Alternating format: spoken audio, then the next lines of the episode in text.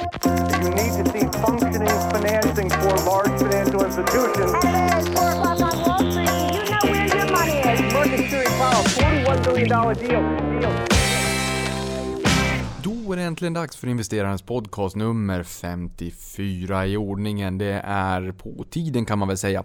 Jag har ju varit lite slarvig de senaste veckorna med vilken dag jag har släppt podden och sådär. Jag kan väl säga att det har varit väldigt, väldigt mycket som har gjort att eh, även jag inser att tiden är en bristvara och att man inte kan få tid på kredit. Det är absolut ingen ursäkt. Det är riktigt dåligt av mig. Jag ska se till att skärpa mig.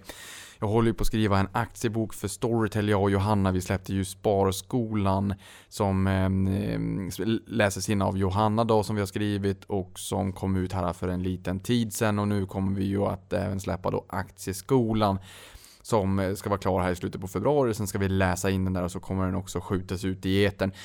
Men i alla fall, jag ska bli bättre på att försöka släppa den på måndagar som jag har sagt att jag ska göra och inte när som helst under, eh, under veckan. Nu håller jag på att renovera köket och det är boken och jag tror att min lägenhet just nu ser ut som eh, typ 27 oktober 2008. Det var väl den dagen som börsen vände efter finanskrisen i Sverige.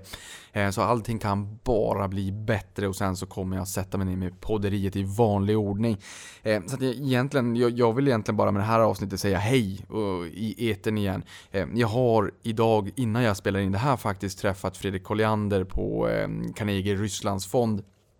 Som var väldigt positiv till den ryska marknaden. Det här är ett bonusavsnitt som kommer att släppas inom kort då väldigt eh, positiv till ryska marknaden. Den har ju gått upp riktigt mycket. De var upp 13-14% i januari.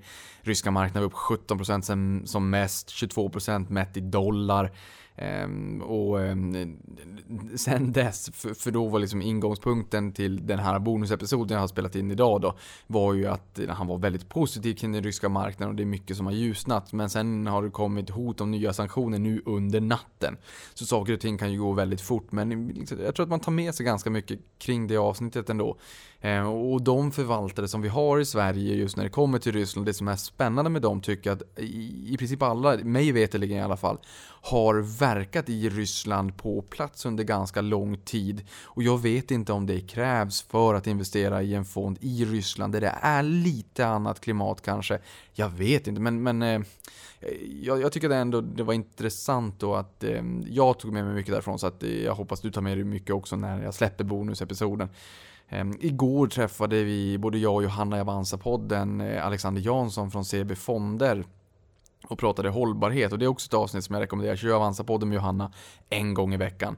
Eh, och just det här med hållbarhet, det är ett otroligt vitt och brett begrepp. Ni förstår att det här avsnittet blir lite pyttipanna. Bara liksom säga hej och förklara varför det har varit lite stökigt med vilka dagar jag släppt podden senaste veckorna. Eh, och att jag ska skärpa mig liksom. Så att, ehm, jag, har saknat dig i, i det här formatet liksom. Och därav vill jag säga hej och, och sen så kör vi lite pyttipanna nu så det blir lite hejkon bacon högt och lågt. Men det som är intressant med hållbarhet där, vi pratar om det här på Twitter också, då är det väldigt många som säger ja men det här med 2% målet och koldioxidutsläppen och huruvida det faktiskt eh, stämmer eller inte eller om det är någon form av cykel som planeten har och ehm, eh, Ja, det är klart att jag också funderar kring de frågorna om det, om det kan vara en cykel eller inte. För ibland har vi det varmaste sommaren eller varmaste juli på 260 år eller vad det var. Eh, och, och, sen blir det vargavinter. vinter. Eh, men det är inte riktigt det som enbart i alla fall som hållbarhet handlar om och det, det tycker jag ändå är rätt intressant att ta med sig. Att hållbarhet kan ju vara hållbarhet för leverantörer, att de får sina betalningar eller underleverantörer får sina betalningar eller att personalen har det bra eller att eh, man inte använder barnarbete eller att bolaget går med vinst, att det blir hållbart för aktieägarna eller att det ska vara hållbart för planeten eller hållbarhet är ett väldigt brett begrepp.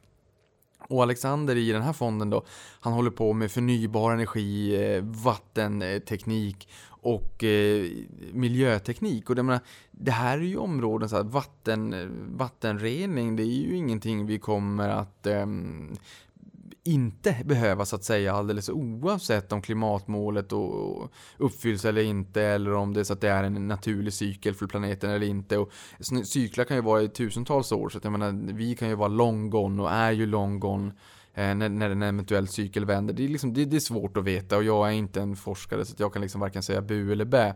Men det jag gillar kring hållbarhet det är ju just den här positiva screeningen, alltså att inte välja bort och exkludera liksom, tobak och vapen och alkohol och eh, pornografi och barnarbete och, och, och, och, allt vad det kan tänkas vara. Utan snarare så här, okej okay, vi vänder på steken, vad ska vi välja in istället? Vi börjar på, på ruta noll, vad vill vi ha i portföljen? Och då kan man ju se hållbarhet som att det finns olika trender. Och jag menar, jag brukar säga, jag har sagt många gånger tidigare, just det här med Beijer Ref och Nibe och Tomra och även förstått det med Alfa Laval och Eh, jag menar omställningen från det här oljebaserade uppvärmning liksom till, till eh, den moderna typen av elbaserade eh, alternativ som Nibe har eller Tomra med recycling, liksom att man tar tillvara på plasterna i de petflaskorna. Det kan vara recycling kring mycket. Det behöver inte bara vara pantflaskor eller returmaskinerna i matvarubutiken och Tomra och andra affärsområden också. De sorterar ut diamanter för diamantletare i, i, i Afrika exempelvis eller sorterar cocktailtomater. Jag har sagt det här förut. In och titta på eh, Tomra Sorting Solutions. Det kommer du få, liksom, jag tror att du nästan till kommer tappa hakan kring den här typen av maskiner. Det är väldigt intressant. Jag menar inte att de är ensamma om att kunna göra det. Men just det här om hur man med sensorer och optik kan eh, eh, optimera produktionsprocesser. Och jag tycker att det är rätt, det är lite nitty gritty men det är otroligt spännande också. Om det någon gång på Discovery kanske har sett How It's Made. Eh, så får man liksom en aha-upplevelse från att man får de här cocktailtomaterna som man handlar i butiken. Men liksom från framställan produktionen. Det är ju inte skalbart att någon för hand sitter och väljer bort de gröna eller lite gula cocktailtomaterna. De kan lika gärna vara i salsa så man tar hand om allting. Men hela tiden så bör, behöver man ju någonstans också optimera tillverkningsprocessen för att driva ner priser och driva upp marginaler och sådär. Jag menar, Tomra har ju sagt att det kommer vara mer plast än, än haven vid 2050-2052 där någonstans. Eh, det är klart man kan inte veta med all säkerhet men det är ju ändå någonting som man får en aha-upplevelse och kanske tänker till lite grann. Att, jo men vi bör nog bli lite bättre när det kommer till att ta hand om, om eh, planeten och liksom det är rätt svårt att backa om det är så att vi liksom förstör alldeles för mycket. Och just det här med koldioxidutsläpp och, och växthuseffekten och allt det där. Ja, det, det, kanske är så att det är en cykel, men tänk om det inte är det då? Ska vi backa då? Vågar man ta den risken och sådär? Sen har vi ju Beijer Ref med liksom den omställningen med skadliga freoner som ska bytas ut och det här är ju regulatoriska, politiska beslut så att bolagen måste ju byta ut det gamla mot det nya och sen har många väntat lite för länge och nu blir det liksom en catch-up effekt av det, här, av det hela helt enkelt. Ehm, Alfa Laval med, eh, med skepp och som, som inte får ta in ballast, eh, vatten från en marin miljö till en annan utan måste släppa ut och rena det där. Det är Alfa Laval världsledare på. Så att, eh, för att göra en lång historia kort, vilka bolag finns det där ute som rider på en hållbarhetstrend där man både kan investera i något som kanske då är hållbart men, men sen också faktiskt tjäna pengar på att det finns en strukturell tillväxt kring det hållbara. Och det tycker jag är intressant. Just den här eh, strukturella tillväxten. Vilka bolag är intressanta? Vilka bolag kommer kunna tjäna pengar på en strukturell trend som definitivt inte lär försvinna imorgon för att det finns en, en, en politisk, eh, politisk kraft bakom och en omställning som, som, eh, som man måste liksom eh, anamma helt enkelt. Och det där, just det där är intressant och det pratar vi en hel del om i podden också. Ehm, så den tycker jag, den rekommenderar jag också att lyssna på. Och sen imorgon så kommer jag få in Ferronordic. Det blir årets första bolagsintervju och det kommer komma ett, ett gäng till. Jag har även eh, hört av mig till Skistar, nu var det lite alpina VM och sådär men, men sen kommer nog även Skistar, det är ju många som gillar det bolaget också. Sen börjar jag riva igång med lite bolagsintervjuer, det är ju riktigt, riktigt eh, roligt tycker jag. Eh, någonting annat man kan säga, det var ganska stökigt i fjol. Eh, börsen toppade 29 augusti, det vet ni, det vi pratat om många gånger, föll ner till, eh, till december, tomterallyt kom, kom liksom de sista dagarna skulle man väl kunna säga. Börsen är 17,9%, det var ganska stökigt. Eh, vi har haft en korrektion varje år sedan 2006, ni vet, eh, förutom 2017, då var det 8,5% istället. Ehm, den varade i, ja den gick ner 17,9 i snitt har det varit ungefär 17,3% en, en korrektion. Eh, den varade i 121 dagar, det brukar vara 96. Så det, det, var ganska mycket eh, business as usual även om det inte är speciellt roligt med, med en sån sättning. Jag, jag bryr mig faktiskt inte numera alls utan tycker snarare att det är roligt att plocka på med lite aktier långsiktigt när, när de här eh, ursköljningarna kommer. Men då ska man också vara konfident att det här faktiskt är ett långsiktigt sparande och, och också ha pengar på buffertkontot och sådär. Så att vill man göra någonting, för jag tror att det är ganska enkelt att känna, åh oh, herregud. Jaha, nu, det var ju, jag skulle göra en resa eller jag hade kunnat köpa det här eller det hade kunnat vara en kontantinsats. Eh, ja, i och för sig kontantinsatsen tycker jag man ska spara på an annorstädes håll. Men, men har man liksom pengar som är pengar, då behöver man ju inte bry sig om ifall värdet på portföljen minskar, alltså kapitalet eller byggstenar för en ekonomisk trygghet över tid. Därför att jag förstår att man räknar kapital och portföljen som pengar och alternativkostnader. Vad hade jag kunnat köpa om jag bara hade sålt vid rätt tillfälle? Klipp den navelsträngen, sluta med det. Investera långsiktigt, tänk, lång, tänk långsiktigt. När börsen skakar till lite grann, tänk längre än vad näsan räcker. Tänk, vad är, vad är nu syftet med pengarna? Eh, min mamma frågar mig själv liksom, jaha, gör det inte ont nu? Det, är liksom, det var väl en för, för mig liksom en, en årslön som försvann ganska fort där i fjolåret. Jag tänkte nej, jag kanske har sagt det här i podden tidigare också, men nej, det, det, jag bryr mig faktiskt inte alls. Och det är inte så att jag bara säger att jag inte bryr mig och försöker lägga på en fasad och liksom eh, där på insidan, eh, liksom som en plopp, att man är hård på utsidan och mjuk på insidan och tycker att det gör lite ont. För att grejen är att jag, tittar ju ofta på vad kan, eh, vad kan mitt sparande bli värt i framtiden? Givet x antal årtionden fram i tiden. Om jag får den här årliga avkastningen och om jag sparar det här löpande eh, slanten varje månad. Och det är den jag tittar på. Inte om börsen går upp eller ner idag, även om det självfallet är tråkigt när, när värdet minskar i portföljen. Men jag är ju liksom ganska ambivalent. Jag tycker att det är eh, trevligt när portföljen stiger, men inte för mycket för då bygger det fallhöjd. Eh, och fallhöjd gör, eh, som för de allra flesta så tycker man att det är lite jobbigare när det faller än när det stiger. Jag vill heller inte att det ska falla alldeles för mycket, för det är klart att det är ju tråkigt, men jag menar, samtidigt, då är jag ju där och försöker utnyttja de lägena. Och det är ju jobbigare om en enskild aktie faller väldigt mycket och det kanske blir liksom operationella utmaningar och sådär, snarare än om hela börsen faller och liksom sentimentet är surt. De lägena, de gillar jag verkligen jättemycket. Eh, och jag menar, tittar vi här då i, i fjol så många sålde under fjärde kvartalet i allmänhet och i december i synnerhet får man väl säga. Eh, och därefter, egentligen från, ja, men från mellandagarna, så fick vi ett ordentligt uppställ. Och jag menar, nu ser jag Nasdaq är upp 12% i år, eh, 630 RX, alltså OMXS30 inklusive utdelningar är upp 11% OMXS30 lika mycket. Utdelningen har inte börjat klippas där än. Eh, 6RX 1070, Nasdaq 100 10, OMXSP 10,7, SPX, det vill säga S&P 500 9% och sen så Dow Jones 950. Eh, så det har ju varit en ordentligt fin start på eh, året. Eh, och det är klart att jag menar då de som sålde i fjol, då, då sålde man efter en nedgång tyvärr ganska mycket när den här onda magkänslan infann sig liksom och så. Och sen så vart det ett ordentligt uppställ eh, i januari. Så då har man liksom sålt när det har gått ner och man, har, man jagar i fatt uppgången och det blir liksom dubbelnegativt. Sen är det klart att man kan tajma om man, om man vill. Det är väl kanske inte riktigt min starka sida. Inte om när man ska vara i eller ur marknaden, ska vara binärt. Ska jag vara investerad eller ska jag inte vara investerad?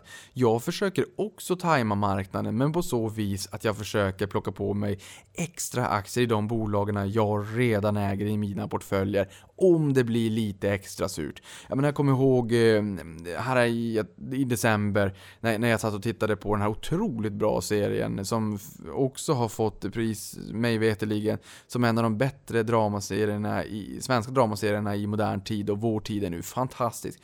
Men där var jag tvungen att säga stopp, paus och liksom lämna sällskapet, sätta mig vid datorn eh, och handla och det var den här dagen när Nasdaq var ner 4, nästan 5%. För det, liksom, det är lite för överdrivna fall. Börsen är en drama queen både uppåt och neråt, så är det. Och jag tror inte heller man ska lyssna på alla dysterkvistar som säger att börsen ska falla och krascha för att Ehm, vi skrattar åt spådamer kanske, eller vissa av oss, och, och, och ja, in, inte skrattar åt själva personen, det är ju elakt, men alltså kanske åt fenomenet, och, och åt spökmedium på spök-tv och sådär, men man har inga konstigheter att utlysa börskrasch i sociala medier. Och det blir lite paradoxalt kan jag tycka, och att ta en positiv approach långsiktigt och tycka att det finns inga dåliga väder, bara dåliga kläder. Alltså där gynnas man nog långsiktigt. Ta det gamla citatet, mer pengar har förlorats på att förbereda sig för krascher än i faktiska krascher. Eh, och det kommer att komma lägen där det kommer att vara jobbigt på börsen. Och jag tror att eh, riktigt stora krascher kanske kommer en, två gånger under, eh, under ditt liv, din investerarkarriär. Och då får man försöka komma ihåg att börsen går upp också. Ta i år, liksom så här, Nasdaq var upp 19% från mellandagarna och upp här i januari för någon vecka sedan. Jag börjar känna att börsen har gått upp lite för mycket, lite för snabbt. Jag har en, en en, en klassisk årsavkastning eh, redan och, och eh, jag har redan liksom by far eh, sett portföljen generera mer kapital i min ekonomi än vad min årslön gör. Och, och det här, det är klart att det här kommer att liksom till, antingen så kanske du är far away och beyond det, eller så kommer du också dit en dag. Jag menar, jag började med 120 kronor och stod och funderade på om jag skulle köpa glass för de här pengarna vid 13-14 eller om jag skulle spara dem. Och sen spara dem och sen så hittade jag liksom till, till börsen och sådär när jag fick mitt orangea kuvert och jag insåg att man kunde sätta pengarna i arbete. Eh, jag tycker det är otroligt roligt att se liksom ränta på ränta-effekten och vad, vad det faktiskt bygger upp över tid. Nu i år 2019 så är det 10 år sedan jag bestämde mig för att skapa liksom en balansräkning i ett Excel Excel-dokument och hela tiden på veckobasis någonstans där eh, skriva in värdet på alla mina konton och sådär och sen så har jag en förmögenhetsgraf där jag ser hur det utvecklas över tid. Otroligt roligt. Sen kan det vara i sämre tider, då kanske jag faktiskt eh, på så sätt sticker huvudet i sanden. Ja, ibland när börsen går upp mycket kan jag vara snabb på där och, och, och flera gånger i veckan eh, skriva in värdet. Jag tycker att det är lite roligt sådär. Men om börsen faller kraftigt då kanske jag skippar det i till och med en månad. Ehm, så det är kanske mitt sätt att sticka huvudet i sanden. Lite grann i alla fall. Men just det här att det är trevligt förvisso när, när börsen stiger. Men jag menar, är du on the buy side of life och har väldigt lång tid framför dig, men då kommer ju alla köp göras till en dyrare multipel. Kontra om det faller, då kommer du liksom kunna komma in i bolagen Eh, till lite billigare prislapp. Och ju mer det stiger, desto mer av potentialen framåt är uttömd i det korta perspektivet. Ju mer det faller, desto större potential i det korta perspektivet. Så jag tycker att man måste nog hitta ett sätt bara att förhålla sig till det här, för börsen kommer att svänga, så är det bara. Ehm, och, jag menar, precis som att jag inte är en dysterkvist och säger att liksom de bästa affärerna görs i de sämsta av tider så kan jag nu ändå känna att börsen är upp tvåsiffrigt i år och det är klart att om, om vi inte får en lösning på ehm, på handelskonflikten, vilket marknaden i mångt och mycket faktiskt prisar in, ja men då är det klart att då kan det ju bygga lite fallhöjd. Nu ser vi också att estimaterna för vinsttillväxten i år justeras ner lite grann sådär. Men, men vi räknar ju ändå med en, en vinsttillväxt och det kommer ju ändå hålla marknaden under, under armarna. Men, men just det, det, här att börsen redan har gått upp tvåsiffrigt, det är ju lite grann en nagel i ögat. Eh, men som ni vet, jag är positiv långsiktigt. Jag tror att det är viktigare att hitta de bolagen du vill äga långsiktigt. Vara investerad i marknaden. Men absolut försöka nyttja de lägena som dyker upp om börsen faller lite, lite alldeles för kraftigt. Att kanske plocka på sig lite mer och köpa in sig lite mer i, i, eh, i de bolagen man vill äga långsiktigt. Eh, och jag tittade också på vilka bolag som har fått rätt mycket fart under galoscherna i år. Då hittade vi Getinge har ju haft, ah, det har inte varit jättemycket sting i Getinge för att dra lite finansiell eh, Göteborgshumor. Men i år är den upp 32%. Swedish Match, fint som snus, fortsätter att leverera upp 30%. Ehm, jag har ju inte Swedish Match och tobak i portföljen även om någon en gång har sagt till mig att eh, se avkastningen som en betalning för alla snuspriller du har fått under skon när du går på stan. Sen har vi Elux, jag håller på att renovera köket, det är all in Elux, förutom kylen är Samsung, Samsung betyder stjärnor. Ehm, de är stora ungefär för 10% av BNP i Sydkorea och har 17 börsnoterade bolag och utgör ungefär 35% av börsen där. De får vara kylen men annars är det Elux så det är kanske mitt kök som stöttar lite grann. De ska ju också knoppa av eh, professionella produkter till storkök etc. Ehm, och Elux har ju varit en formidabel stjärna på att dela ut många bolag. Det är liksom rätt fascinerande hur många bolag som har knoppats av och fått fristående egna spännande liv på börsen från den här modern. Det är upp 26%. Sen har vi hela Stockholmsbörsen, Fingerprint och Nio, den var ju otroligt populär Ehm, ja, under 2015. Den toppade ju den 7 december 2015 vill jag minnas. Den är upp 71% i år. Eniro 63% var också årets första kursdubblare. Typisk aktie där man får dra ut kurvan lite grann och se vart aktien kommer ifrån. Här gjorde man ju också en eh, ordentlig nedskrivning ganska eh, nyligen. Eh, som var det, jag tror att det var 565 miljoner om jag inte är ute och cyklar. Sen Moberg Pharma upp 63% även den. Eh, och tittar vi på S&P 500 i USA så är det Mattel. Eh, världens största leksakstillverkare 70%, Coty 70% och Xerox 62%. Nej, 52%. Um, och det här, jag, jag, vill, det är liksom hur, vilka bolag som har varit på tapeten och gått väldigt bra i år. Um, jag vill bara ta tillfället i akt i det här avsnittet att återigen trycka på att jag tycker, jag tycker att det är jobbigt när jag ser väldigt många sälja ehm, för att man får ont i magen när börsen går ner, man säljer efter en nedgång och sen så jagar man uppgången. För att vi fick statistik från Fondbolagens förening återigen som visade på den riktigt, riktigt bra start på året. Det har varit en rusning till aktiefonder och man har liksom tappat rätt mycket mot eh, index. Sen kan jag aldrig veta hur börsen kommer gå och det kommer aldrig någon annan veta heller. Ehm, det man kan eh, ta med sig om det nu är någon trygghet överhuvudtaget, det är ju just att en korrektion, att vi brukar få det varje år, den brukar vara en två, tre månader ungefär, medan en, en ordentlig nedgång, eller större nedgång, kanske en björnmarknad säg, Eh, brukar hålla i sitt två, två och ett halvt år. Den tycker jag ändå att man kan övervintra och passa på att köpa på sig mer där. Men det är klart, finanskrisen, många drar den till minnes. Eh, det är inte relevant. Det är inte relevant för fem öre tycker jag att jämföra med en marknad där vi var oroliga för en, eh, på riktigt alltså en systemkollaps. Och också där när vi hade med oss förvaltaren på Eh, Eh, uppesittarkväll här för en tid sedan som satt på tusen miljarder eh, dollar var det väl till och med i, i, i derivat. Eh, vilket är liksom en, det är en löjligt stor summa och menar på att han köpte hagelsprakare och guld och grävde ner i trädgården och var orolig för att det skulle bli upplopp. Det visar väl kanske någonstans hur oroliga man var där om man satt på liksom parkett och såg den finansiella världen mer eller mindre rämna. Vi såg det ju på en eh, börsskärm och en nedgång i 473 dagar och 52-53% någonting. Eh, men det stod ju även realekonomiskt och många blev ju varslade och det, liksom, det var ju rätt jobbiga tider och det här är in, det tillhör inte det normala eh, överhuvudtaget. Så, så det, det, spelar liksom ingen roll vad någon säger, det, det tillhör inte det normala, punkt slut. Och det är, det är en typisk sån nedgång som man får någon gång under sitt, eh, sitt liv. Sen är det ju förvisso också så här att man eh, är lite orolig för tapering och liksom centralbankerna och om man ska återgå till någon form av eh, åtstramande penningpolitik i, från den extremt expansiva penningpolitiken med, med eh, kvantitativa lättnader som vi fick i kölvattnet av finanskrisen för att liksom hålla marknaden under armarna. Det vi också ska vara medvetna om att det, det här är ju marknaden är medvetna om. Marknaden är medveten, centralbankerna är medvetna, de, liksom, de har möjligheten att påverka. Det här är inte någon eh, loose cannon där de måste bara försöka parera och släcka bränder utan de vet att eh, det är lite delikat och lite jobbigt att försöka strama åt eh, och normalisera räntenivån och kanske hinna innan nästa lågkonjunktur och, och liksom innan räntehöjningsfönstret är stängt och allting. Men, men de har ändå på något sätt makten att eh, agera. De, de har bollen i sina händer. Det är inte så att man måste släcka branden. Det är fortfarande väldigt, eh, det ska bli väldigt delikat att se hur man tar sig ur den här rävsaxen. Men jag tror att man har lite mera eh, lite mera makten på sin sida kontra under liksom brinnande finanskris när det brann på, på finansmarknaden helt enkelt. Ehm, så att, och det är just de här ordentliga sättningarna brukar ju också komma när det är någonting, alltså en riktig blixt från klar himmel.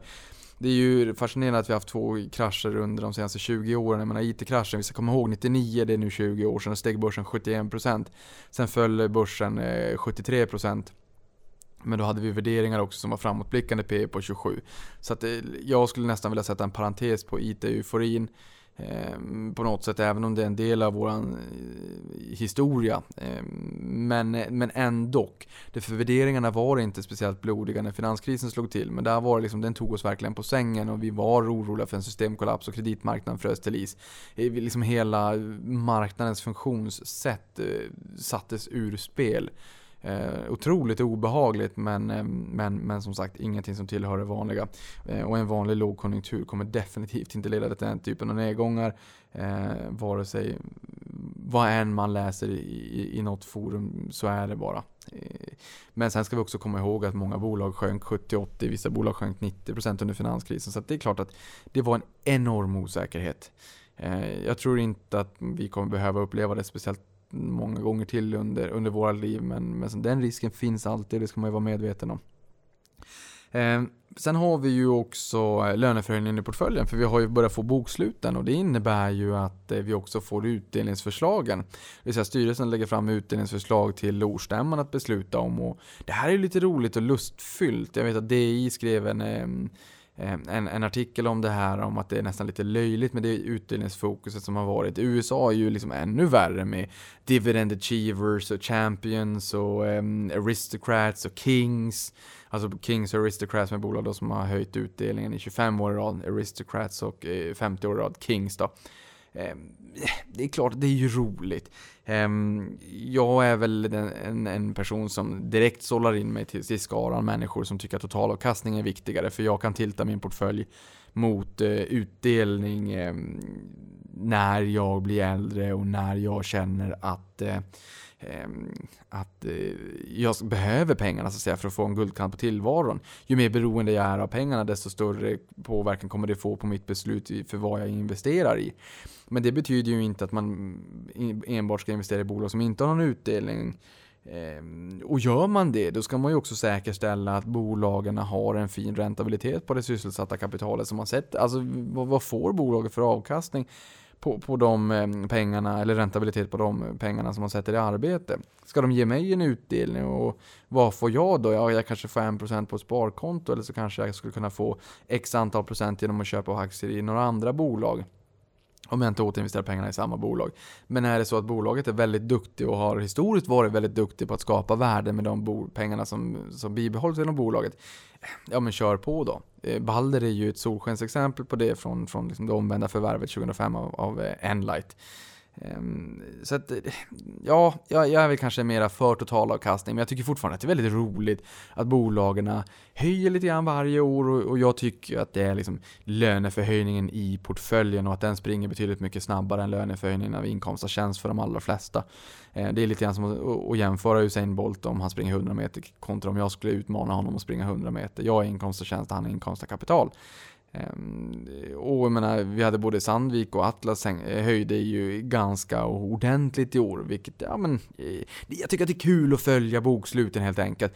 Så att gör så om du är nyfiken också på någon aktie, in på, på våran sajt och titta på, på Avanza på aktieöversikten, så tittar du på pressmeddelanden, då kommer du hitta bokslutskommuniké 2018. Det är liksom sammanfattat den viktigaste informationen och där ser man ju också utdelningen, utdelningsförslaget och ehm, fjolårets utdelning. Så då tar man bara utdelningsförslaget delat på fjolårets utdelning, då får du utdelningstillväxten i, i decimalform. Ehm, så det, det, är, det, här liksom, det är roligt och jag eh, förstod väl på inför rapportsäsongen att när jag räknade estimaten eh, att man räknade med en, 6, en bit över 6% i utdelningstillväxt i år. Sen är det klart att vissa bolag delar ut betydligt mycket mer än så självfallet. Eh, innan nyhetssvepet, och jag lovar liksom lite fylligare avsnitt då från nästa vecka och framåt, då är nog också mitt kök klart, vilket ska bli otroligt trevligt.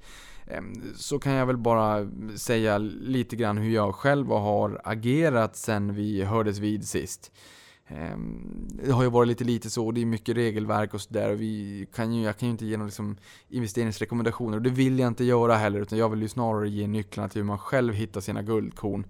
Ehm, men eh, Apple eh, passade jag faktiskt på i fjol att köpa lite mer när det var ehm, ganska mycket oro kring aktien. Eller i fjol, det var faktiskt i januari i år säger jag.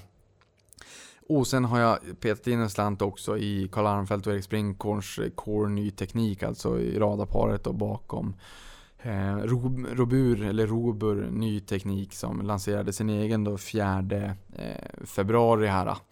Ehm, så en liten slant där också och sen eh, passade jag på att köpa lite mer Activision Blizzard innan eh, kvartalsrapporten den 12 mm, februari.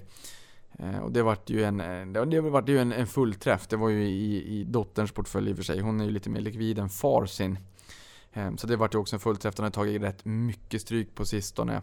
Ehm, där kan vi också säga Electronic Arts har ju gått riktigt bra. Electronic Arts är upp 37% sen eh, slutet på förra året. De har släppt spelet Apex Legends som eh, lockade till sig 10 miljoner spelare på ehm, 72 timmar och är väl uppe i 25 miljoner spelare nu. Jag tror att bland de speltitlarna som är liksom de mest lyckosamma genom tiderna ligger väl kanske på runt 100 miljoner eller något sånt där. Men då är det ju sålda spel också. Apex Legends är ju ett, ett gratis spel där det förmodligen då kommer vara få över spelare och sen så kommer det vara in-game purchases. Men det är klart att det har ändå fått eh, fart på aktien och har även fått fart lite grann på, ehm, på eh, Activision Blizzard får man ju säga. Det är kanske lite fear of missing out som jag och en kollega pratade om eh, för att den har gått ner ganska mycket.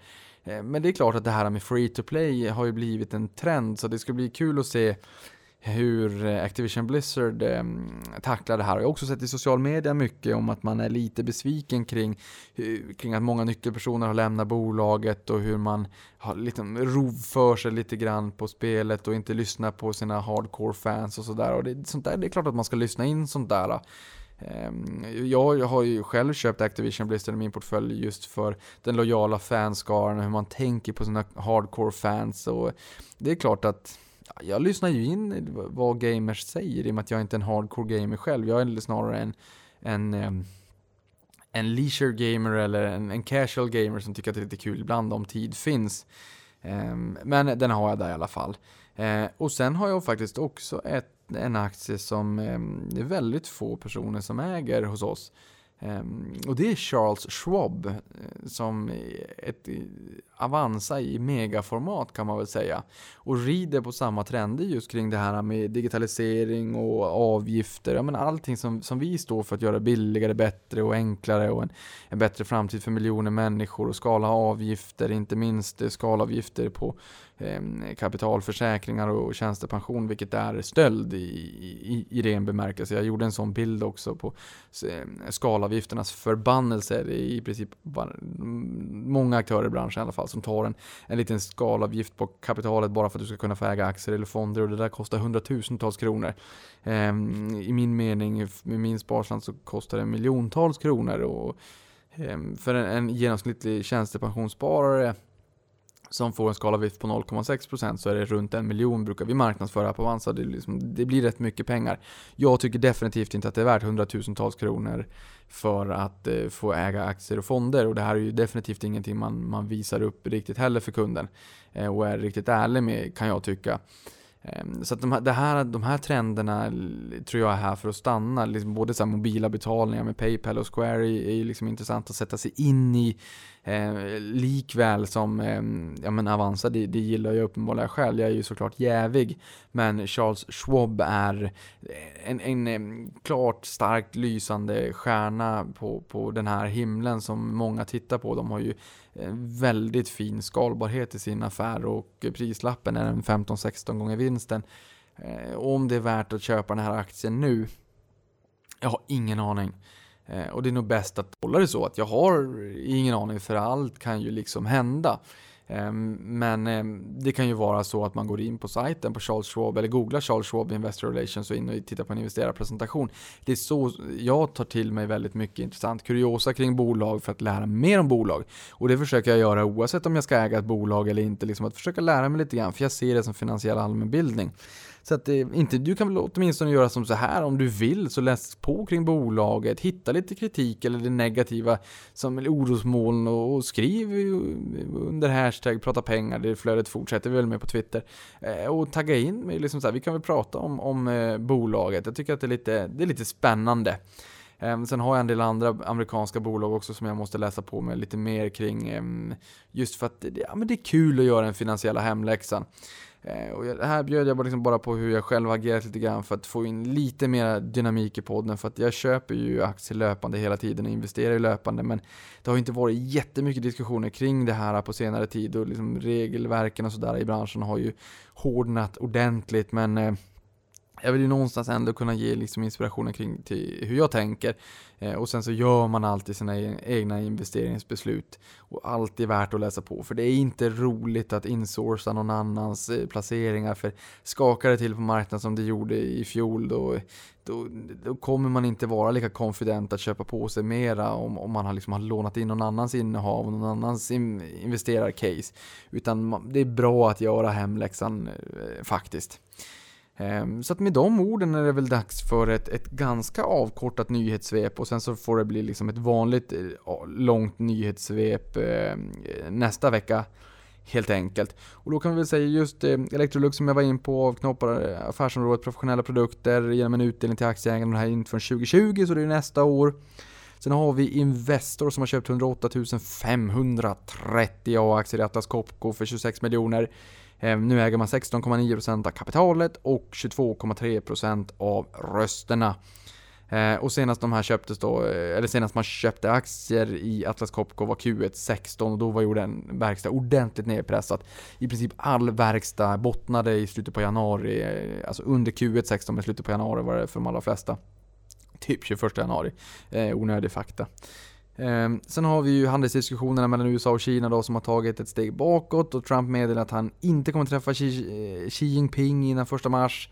Ehm, nu eh, tror man ju att det kommer kunna få till det här ändå, nu liksom i talande stund.